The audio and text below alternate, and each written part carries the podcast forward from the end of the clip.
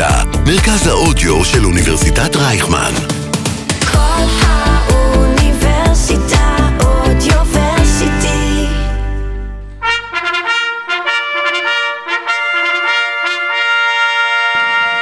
איתמר בן גביר, מתחייב אני. אביגדור ליברמן, מתחייב אני. יאיר לפיד, מתחייב אני. בנימין נתניהו, מתחייב אני.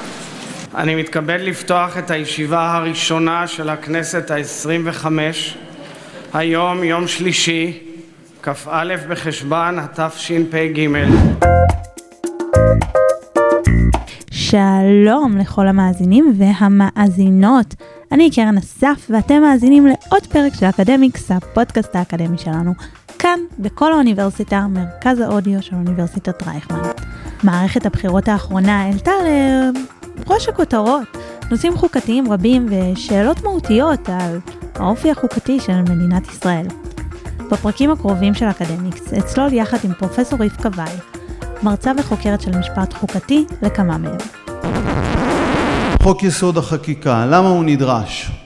אנחנו חיים בחברה שהיא גם מאוד הטרוגנית, ואחרי 73 שנות עצמאות, עדיין כללי המשחק לא מוסכמים. תראה, כבר אה, באמת הרבה מאוד שנים מנסים להעביר את חוק יסוד החקיקה. זה לא משהו חדש. זה בעצם, הייתי אומרת, אה, החלק החסר ב- בחלק המשטרי של חוקי היסוד שלנו. בשנים האחרונות שרי המשפטים עסקו רבות באפשרות לחוקק את חוק יסוד החקיקה. חוק יסוד שנמצא בדיון גם במשא ומתן הקואליציוני שמתקיים ממש בימים אלה. אז מה החוק הזה אומר, מה הוא יסדיר ומדוע הוא לא פתרון קסמים. וגם, למה לא הצליחו לחוקק אותו מאז שנת 2004? אז הונח לראשונה על שולחן הכנסת. מעברון ומתחילים. אקדמיקס. אקדמיה בגובה העיניים. עם קרן אסף. שלום אה, פרופסור רבקה וייל, מרצה וחוקרת של משפט חוקתי וציבורי. איזה כיף שאת כאן איתנו באולפן. קרן, אה, כיף שלי. ממש תודה רבה שאת מארחת אותי. אה, כמו בכל הפרקים האחרונים שלנו, גם היום אנחנו הולכות אה, לדבר על נושא מאוד אקטואלי, חוק יסוד החקיקה. כחלק ממנו תהיה מעוגנת אולי פסקת ההתגברות שמדברים עליה הרבה. אני חושבת שאולי שווה להתחיל במה חוק יסוד החקיקה אומר. טוב, אני מודה לך על ההזדמנות לדבר על הנושא הזה. אה, למעשה אין לנו עדיין חוק יסוד כזה. אה, מדובר בחוק יסוד חמקמק, שהועלו נוסחים רבים אה, לכינונו לאורך השנים, והם לא הצליחו להבשיל לכדי קונצנזוס. בעצם ההצעה שמשמשת בסיס עד היום לדיונים השונים היא ההצעה של הוועדה שעמד אה, בראשה אה, השר המשפטים דאז, יעקב נאמן, זיכרונו לברכה. הוועדה הזאת פעלה בשנת 2004, והיא הותירה נוסח לא מנומק להצעת חוק יסוד החקיקה. וחוק יסוד החקיקה אה, בעצם אמור להסדיר את המעמד של חוקי היסוד בישראל. אה, למאזינים שלא מכירים, חוקי היסוד בעצם נהנים מעליונות נורמטיבית, כלומר, זה המדרג העליון ביותר של החקיקה הישראלית. אה, בית משפט מוסמך להכיל ביקורת שיפוטית ולהכריז על חוקים כלא מתאימים לחוקי היסוד, לחוקה הישראלית, ואפילו להכריז על חוקים כאלה כלא תקפים, או על סעיפים בהם כלא תקפים. וחוק יסוד החקיקה אמור בעצם להסדיר את מעמדם של אותם חוקי יסוד שנהנים בעצם ממעמד של חוקה. ואם uh, הפעם הראשונה שדנו בו הייתה ב-2004, uh, מה הוביל את העניין uh, המחודש uh, בשנים האחרונות uh, בחוק היסוד הזה? אז uh, ברשימה שאני פרסמתי בעצם בבלוג באייקונס, שהכותרת שלה היא כרוניקה של כישלון ידוע מראש. למה לא הייתי יושבת בוועדה שדנה בחוק יסוד החקיקה, אני בעצם מנתחת את המניעים של הפוליטיקאים להידרש לנושא הזה מחדש. ואני חושבת שבתקופה האחרונה הפוליטיקאים מונעים משתי סיבות עיקריות. הסיבה האחת זו התחושה שהכל הפקר, שאין כללי משחק, שאפשר לשנות את uh, אופן הניהול של ממשלה וכנסת אחרי בחירות, uh, ושזה בעצם uh, מערב פרוע. והסיבה השנייה זה בעצם להסדיר את מערכת היחסים בין בית המשפט לרשויות הנבחרות. ואני רוצה קצת uh, לפרט על שני המניעים האלה. בעצם לגבי הצורך בכללי משחק uh, מסודרים, uh, מוסכמים, הצורך הזה מתחדד לאור העובדה שאנחנו במשבר חוקתי חריף, מתמשך, שהוביל בעצם לקיומם של חמישה סבבי בחירות בתוך שלוש וחצי שנים.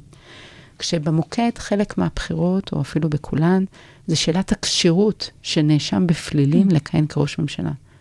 ובעצם בכנסת האחרונה הנהיגה את ישראל לממשלת חילופים יוצא דופן, כשבראשה עומדת מפלגת מיעוט, ששבעה מחבריה נבחרו לכנסת, אבל אה, בעצם אחד לא הצטרף לקואליציה. אה, לפניה כן ראש ממשלה שנאשם בפלילים, אה, בממשלת חילופים עם גנץ, ובקרב הציבור יש תחושה שהשחקנים הפוליטיים בעצם משנים את חוקי היסוד חדשות לבקרים לפי צרכים קואליציוניים.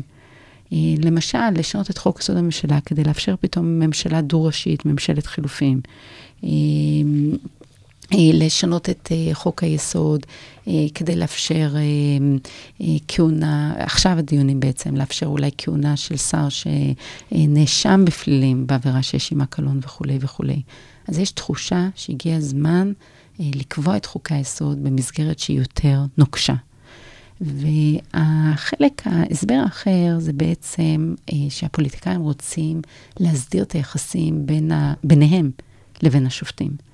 אה, בעצם רבים מהפוליטיקאים מרגישים שהם לא שלמים עם המהפכה החוקתית שהתרחשה בישראל בשנות ה-90, שבמסגרתה בית המשפט בפרשת בנק המכרז, המזרחי הכריז שחוקי היסוד הם החוקה, ולבית משפט יש סמכות ביקורת שיפוטית לחקיקה ראשית, והפוליטיקאים בעצם רוצים לעשות סדר גם בנושא הזה.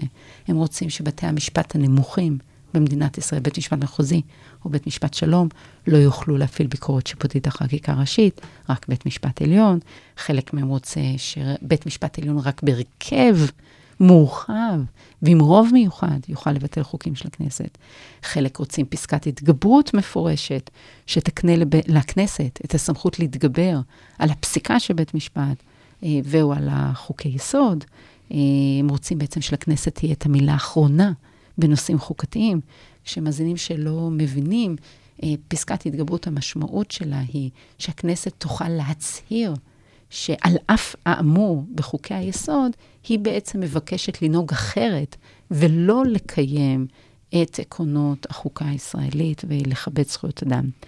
אה, חלק אה, רוצים להבהיר לבית המשפט שלא יתערב בהליך חקיקת חוקים. אמ, אלא, אלא אם כן לא יתקיימו דרישות פרוצדורליות. כי אנחנו יודעים שיש הלכות של בית משפט שמאפשרות להתערב בפרוצדורות של חקיקת חוקים, גם מעבר לשאלת גודל הרוב אה, אה, שבמסגרת, אה, שבמסגרת זו עברה החקיקה. וחלק מהפוליטיקאים גם רוצים לבוא ולומר לבית המשפט, אין לך סמכות להתערב בתיקוני חוקה.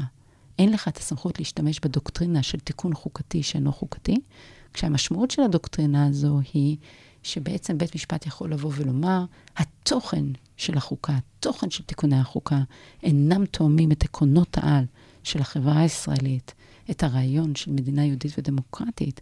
כלומר, התיקון לחוקה הוא כל כך סותר מהותית את אופי המדינה כיהודית דמוקרטית, ולכן התיקון לא תקף. באים חברי הכנסת ואומרים, עד כאן. בית משפט לא אמור להיות מסוגל להכתיב לנו את תוכן החוקה ולהתערב באמצעות תיקון חוקתי שאינו חוקתי. אז זה חלק מהתמריצים של הפוליטיקאים לבוא ולעגן את חוק יסוד החקיקה ובו לקבוע את כללי המשחק על סמכויות הכנסת מול הממשלה. אה, סמכות הכנסת, ממשלה ובית משפט, ובעיקר בית משפט. אנחנו עוד אה, נחזור אה, לתיקוני החוקה. אה, אבל אה, הזכרת כאן הרבה אה, נושאים שיצמצמו את הסמכויות של הרשות השופטת. היה יכול להיווצר רושם שבתי המשפט לא כל כך יאהבו את זה. אבל את כותבת שבית המשפט העליון משווע לחוק היסוד הזה. למה?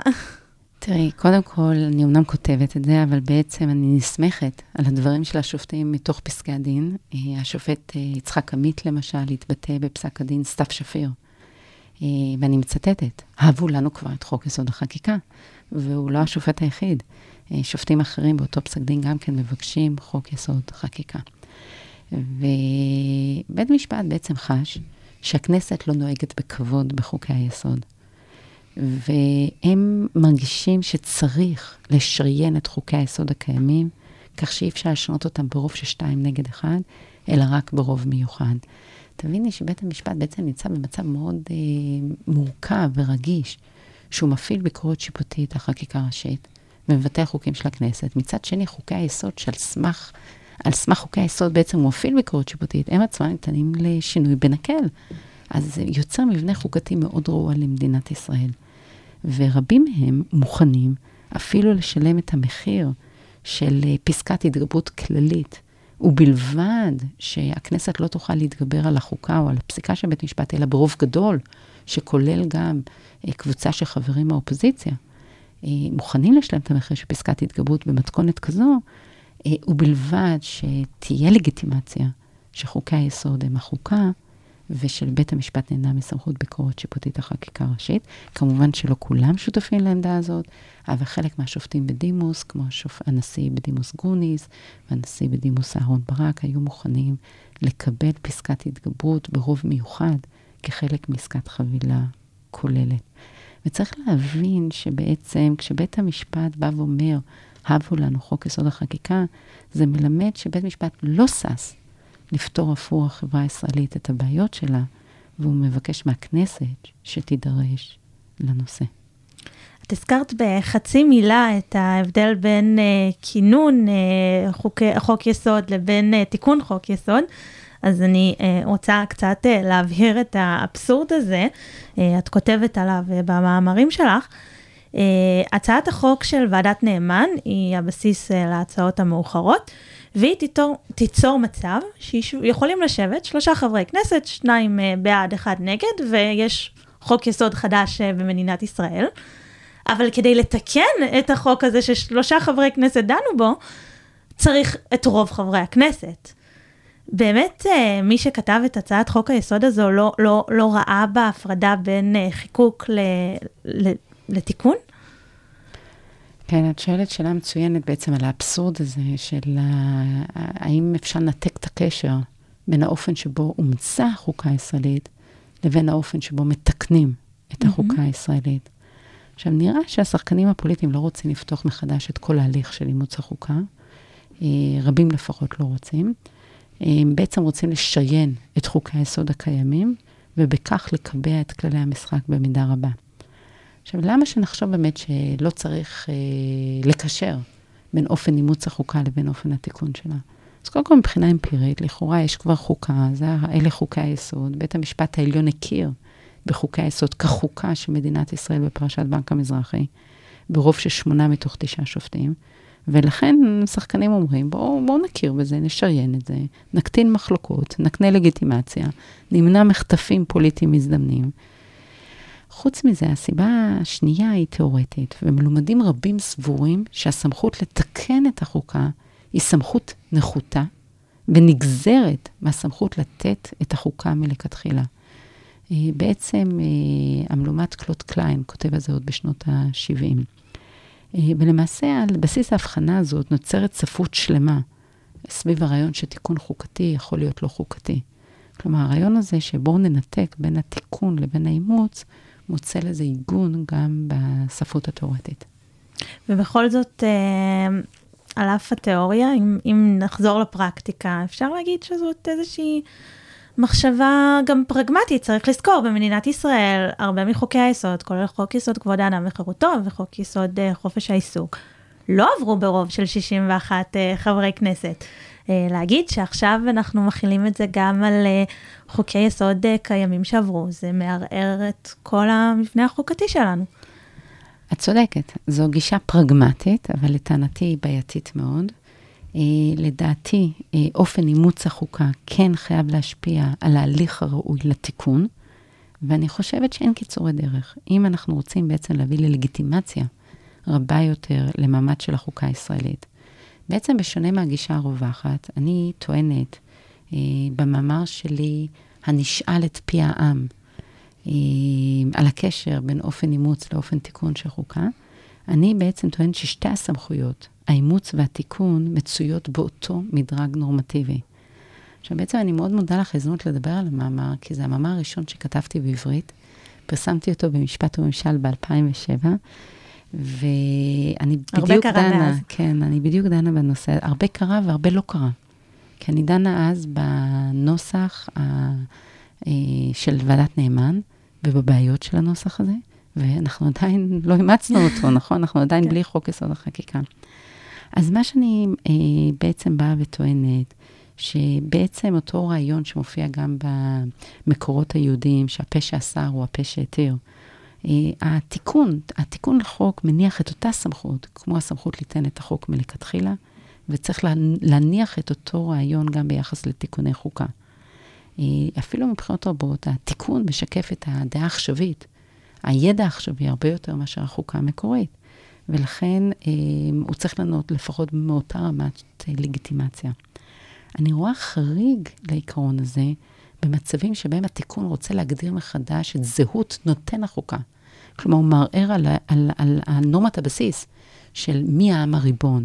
ואצלי, מי העם הריבון זו שאלה של עם פלוס טריטוריה, ואנחנו לא ניכנס לזה, אני כותבת על זה ומרחיבה בספרות.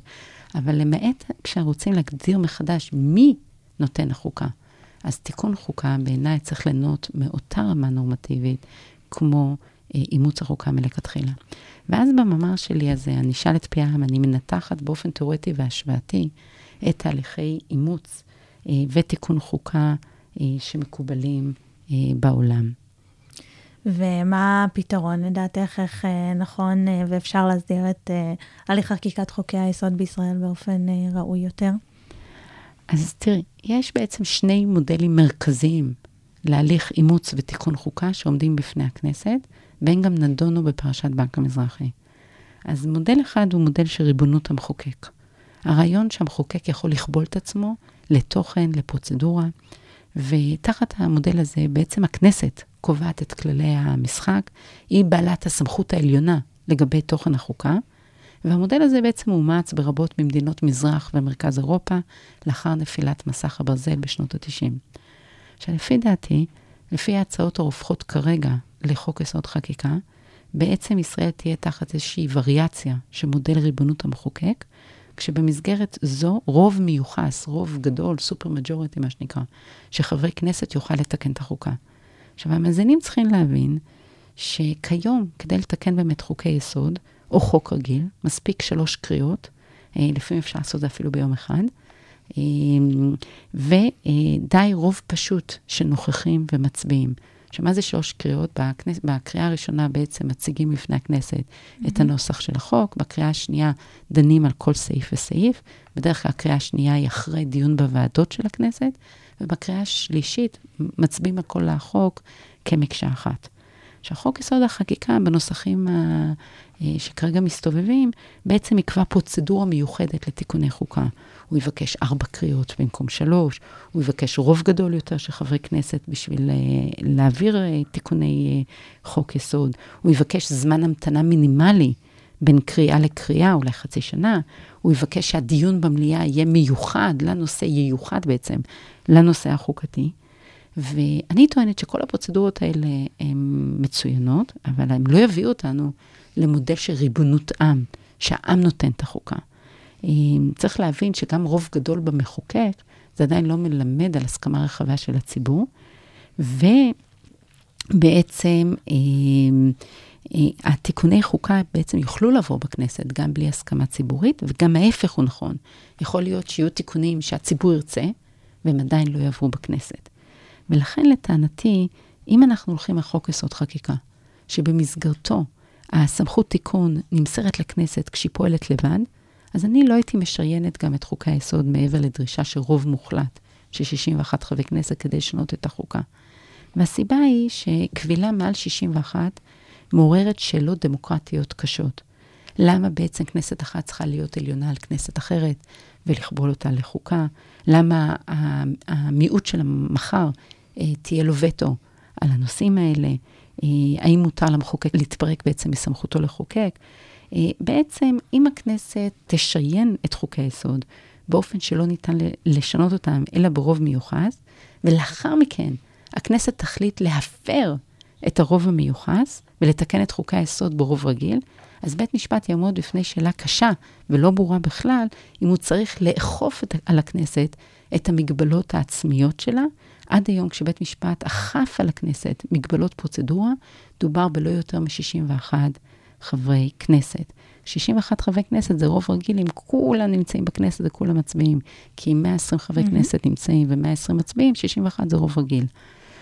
ואני חושבת שגם חשוב מאוד, אם זה באמת מודל של קבילה עצמית של המחוקק, כלומר איזושהי וריאציה של מודל ריבונות המחוקק, אז בעצם שהכלל לגבי גודל הרוב, לכל הפחות צריך לחול גם על אימוץ וגם על תיקון. כלומר, צריך איזושהי סימט, סימטריה בין הרוב שדרוש לאימוץ לרוב שדרוש לתיקון. כי בעצם אני אומרת לך, עדיף לא לשריין מעבר ל-61, אם, זה, mm-hmm. אם חוקי היסוד זה משחק של הכנסת לבד, אבל הכנסת יכולה לעשות את זה, ואולי זה יעבוד, אולי בית משפט יאכוף עליה את הקבילה העצמית הזאת, אולי הכנסת תכבד את הקבילה העצמית הזאת. אבל אם אנחנו הולכים על רוב מעל 61, במינימום, תעשו את זה גם כשאתם מאמצים את חוק היסוד מלכתחילה וגם כשאתם מתקנים. כי אחרת יכול להיות מצב שיש פה איזשהו מחטף פוליטי, רוב קטן, משריין חוק יסוד, ואחר כך אי אפשר לשנות אותו, אלא ברוב גדול. ומלכתחילה, אם היינו מבקשים את הרוב הגדול, חוק היסוד הזה בכלל לא היה נחקק. נשמע שאת uh, מאוד uh, ביקורתית על המודל הזה של ריבונות uh, המחוקק, אז איך אפשר בכל זאת uh, להסדיר את uh, חקיקת חוקי היסוד באופן שהוא כן uh, ראוי ומספק בעינייך? אני חושבת שהמודל המתחרה במודל ריבונות המחוקק שרלוונטי לישראל, הוא בעצם מודל ריבונות העם. זה אה, מודל עדיף, כי הוא שואף לוודא שהעם הוא הגוף שמאמץ ומתקן את החוקה. אה, המודל הזה עדיף על המודל של ריבונות המחוקק, כי הוא יוצר היררכיה אמיתית בין החוקה, בין חוקי היסוד לבין חוקים רגילים. כי כמו שאנחנו חושבים על הצבא, שיש אה, היררכיה בין הרמטכ"ל לסמג"ד, אז אותו דבר אנחנו צריכים לחשוב על היררכיה בין עם לבין מחוקק. כלומר, כאן חוקי היסוד לא נובעים מאיזשהו, מאיזשהו אקט של קבילה עצמית, כמו במודל ריבונות מחוקק, אלא זה נובע מסמכות עליונה, העם, אה, שבעצם כובלת את המחוקק, את הסמכות הנחותה, למעשי חוקה.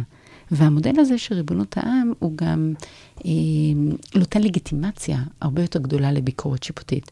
כי כשבית המשפט מפעיל ביקורת שיפוטית, הוא באמת יכול לבוא ולומר, אני בעצם מבטל את מעשה החקיקה כדי להגן על רצון העם כביטויו בחוקה. אז יש לבית המשפט על מה להישען, על סמכות עליונה, על הסמכות של הכנסת. וגם הליך כזה של אימוץ ותיקון חוקה הוא הליך קונצנזואלי. הוא בעצם אה, מוודא שאין מחטפים פוליטיים, אה, הוא מערב את הציבור בתהליך קבלת ההחלטות. עכשיו, כל הרעיון של תורת ריבונות העם זה ליצור הבחנה בין עם לבין נציגים. הרעיון פה הוא שכשהציבור הולך לבחירות רגילות, הוא בעצם בוחר אה, נציגים כדי לחוקק חוקים, אבל לא כדי להעביר חוקה. יש הרבה נושאים שמתחרים על תשומת לב הבוחר. אה, לכי תביני מה הציבור חשב כשהוא בחר לבחירות לכנסת ה-25. נכון? היו שלל נושאים שהתחרו על תשומת הלב של הציבור, וקשה להפיק מתוצאות הבחירות מנדט למדיניות מסוימת, מעבר למנדט של אה, נציגים שבעצם יפעילו את שיקול דעתם עבור הציבור. אז אנחנו רוצים שבנושאי חוקה אה, בעצם אה, יהיה תהליך אחר, שונה, שיבטיח לנו שבעצם רצון העם בנושאים החוקתיים בא לידי ביטוי.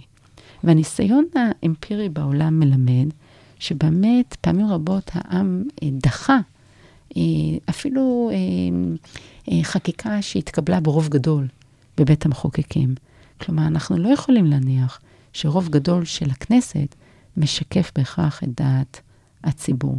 ובעצם אני באה ואומרת, אם אנחנו רוצים חוקה עם כללי משחק מסודרים, שלא משתנה חדשות לבקרים, ובאמת איננה מחטף, אז אנחנו צריכים, איך אומרים, לקפוץ למים, לקחת את הסיכון, ולכן אני קוראת למאמר שלי, אני אשאל את פי העם, האם לא הגיע הזמן לקחת את היוזמה ולתת לחוקי היסוד לגיטימציה רחבה שנובעת ממעורבות של הציבור. אני אבל חשבתי ששואלים את העם כל הזמן, כל פעם שאנחנו יוצאים uh, לבחירות, uh, שואלים את uh, העם מה הוא רוצה. זאת אולי נשמעת קצת שאלה טריוויאלית, אבל אם, אם זה, זה לא ככה, אז, אז מי זה? מי, את מי אמורים לשאול? איך זה יעבוד בפועל אם פתאום הכנסת היא, היא לא מייצגת uh, נציגת העם? השאלה שלך מדהימה, היא מה שנקרא שאלת המיליון דולר.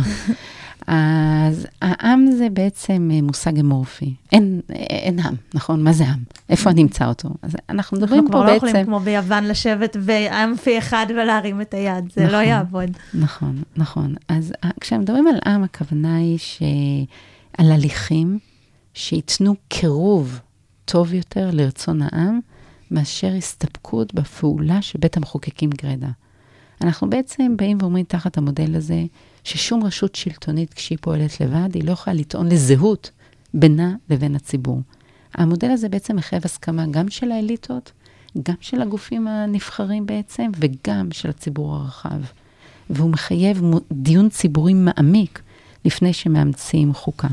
עכשיו, מה שאני כותבת במאמר, אני אשאל את פי העם, אותו מאמר מ-2007, אני בעצם באה ואומרת, תראו, אין לנו בישראל פדרציה, אין לנו גם אקזקוטיבה שנבחרת באופן עצמאי ובלתי תלוי בכנסת, אנחנו בוחרים רק כנסת, ואנחנו לא יכולים בעצם לבזר את הסמכות לתקן את החוקה ולאמץ את החוקה בין מוסדות שלטוניים שונים שנבחרים, באופן שבעצם נבוא ונגיד, אה, ההסכמה המצרפית שכולה מלמדת על הסכמה של הציבור.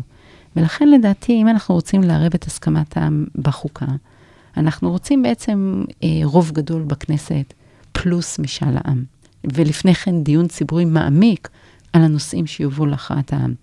אנחנו אה, אולי רוצים שהחוקה או התיקון שלה, במקום שיעברו ברוב גדול בכנסת משאל העם, במקום זה שיעברו בשלוש קריאות בשתי כנסות עוקבות, כשיש בחירות באמצע שממוקדות על הנושא החוקתי ומשמשות מעין משאל עם על החוקה.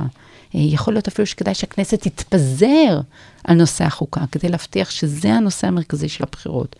אה, אפשר לחשוב אפילו על בחירה של אספה מכוננת, מיוחדת, כדי לאמץ חוקה. זה בעצם היה המודל של מגילת העצמאות, של הכרזת העצמאות. אה, אבל אני חושבת שזה פחות ריאלי בהקשר הישראלי. ישראל היא מדינה קטנה, ספק אם יש אה, אה, רצון ציבורי שיהיה גם בית מחוקקים וגם אספה מכוננת.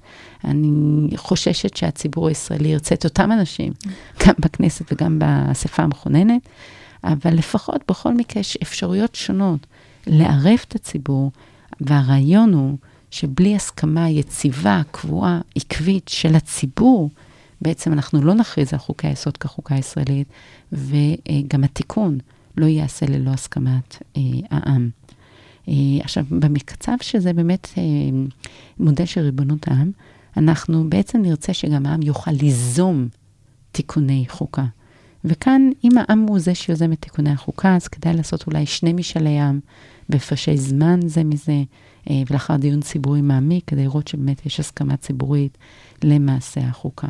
עכשיו, בעצם מה שאני מראה במאמר, זה שמדינות רבות ששונות זו מזו, בגודל, בזהות האוכלוסייה, בתרבות, במבנה השלטוני שלהן, הן משתמשות בפרוצדורות דומות לאימוץ ולתיקון של חוקות, וזה בעצם מלמד שהפרוצדורות האלה הן מעשיות, ישימות, ובהחלט אפשר לשקול את זה בהקשר הישראלי. ואנחנו צריכים לזכור שיש לנו כבר חוק יסוד שמסדיר משאל עם בישראל בנושאים טריטוריאליים, אז לכאורה אפשר להרחיב את מנגנון משאל העם ולהכיל אותו הפעם על נושאים של אימוץ ותיקון חוקה. למה אי אפשר לשלב בין המודלים, בין המודל של אה, ריבונות אה, מחוקק למודל של ריבונות העם? תראי, אפשר לשלב באופן היברידי בין שני המודלים. הקושי הוא שלטענתי לפחות, המחירים של ההכלאה עולים על היתרונות. בעצם אני טוענת שכל עוד אנחנו מוסרים את סמכות התיקון לכנסת כשהיא פועלת לבד, אפילו אם זה ברוב גדול של הכנסת, אז כדאי שגם החוקה תאומץ על ידי הכנסת בלי פנייה לעם. כי אנחנו בעצם נחיה באיזושהי אשליה מתוקה, שהחוקה נהנית מהסכמת העם, כשבעצם המילה האחרונה מסורה לכנסת, באמצעות תיקון של החוקה. ולכן, בכזה מצב, כשאת פונה לעם, את בעצם עושה תרגיל בדעת קהל גרידא, ואני חושבת שהציבור לא ייחס כזו חשיבות להשתתפות באימוץ החוקה, בכ... אם באמת הכנסת תוכל אחר כך לתקן לבד. וגם מעורבות העם בכאלה מצבים, בעצם היא תשחק את המעמד של העם כגוף שצריך לקחת את ההכרעות שלו ברצינות, ושיש בכוחו לתת לגיטימציה מיוחדת למהלכים חוקתיים. גם ההפך לדעתי הוא בעייתי. אם החוקה תאומץ על ידי המחוקק לבד, ולאחר מכן אי אפשר יהיה לשנות אותה אלא בהסכמה ציבורית רחבה של משאל עם, שתי כנסות עוקבות וכיוצא בזה, אנחנו ניצור סטטוס קוו חוקתי שמקורו במחטף פוליטי. ואני לא יודעת אם ראוי שבית המשפט יגן על סטטוס קוו שכזה אם הוא יופר, אה, ולכן לדעתי אין קיצורי דרך. אם אנחנו רוצים לגיטימציה חזקה, גם לחוקה, גם לביקורת שיפוטית חקיקה ראשית, בואו נעשה זאת, נפנה אליהם. לסיום אה, הפרק הזה, אני רוצה לחזור לחוק יסוד החקיקה. אם הכנסת, ובעיקר הממשלה, רוצה אה, את החוק הזה, ובית המשפט, דיברנו על זה שהוא רוצה את החוק הזה, והעם, הציבור, יש חלקים רבים בתוכו שמאוד אה, מביעים שמחה אה, מהאפשרות לחוקק את אה, חוק היסוד הזה. מה מונע את חקיקתו עוד משנת 2004? תראי, זה אפילו לפני 2004, כי ההצעות לחוק יסוד החקיקה כבר רצות שנים רבות, ו... יש חוסר הסכמות על נושאים רבים.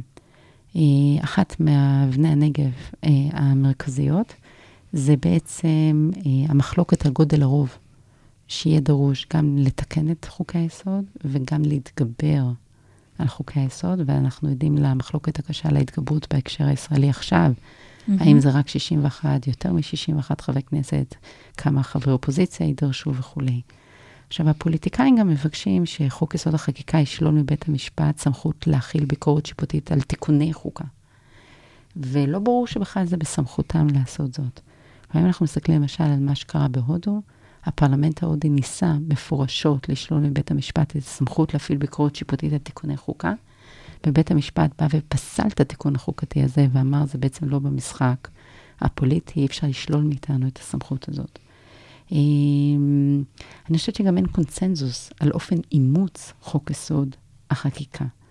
כי בעצם אה, בבלוג שכתבתי, ברשימה שכתבתי לבלוג, אה, למה לא הייתי יושבת בוועדה שדנה בחוק יסוד החקיקה, אני בעצם מבקרת את הממשלה האחרונה על כך שהקימה ועדה לניסוח חוק יסוד החקיקה, כשהוועדה מורכבת מנציגי קואליציה בלבד.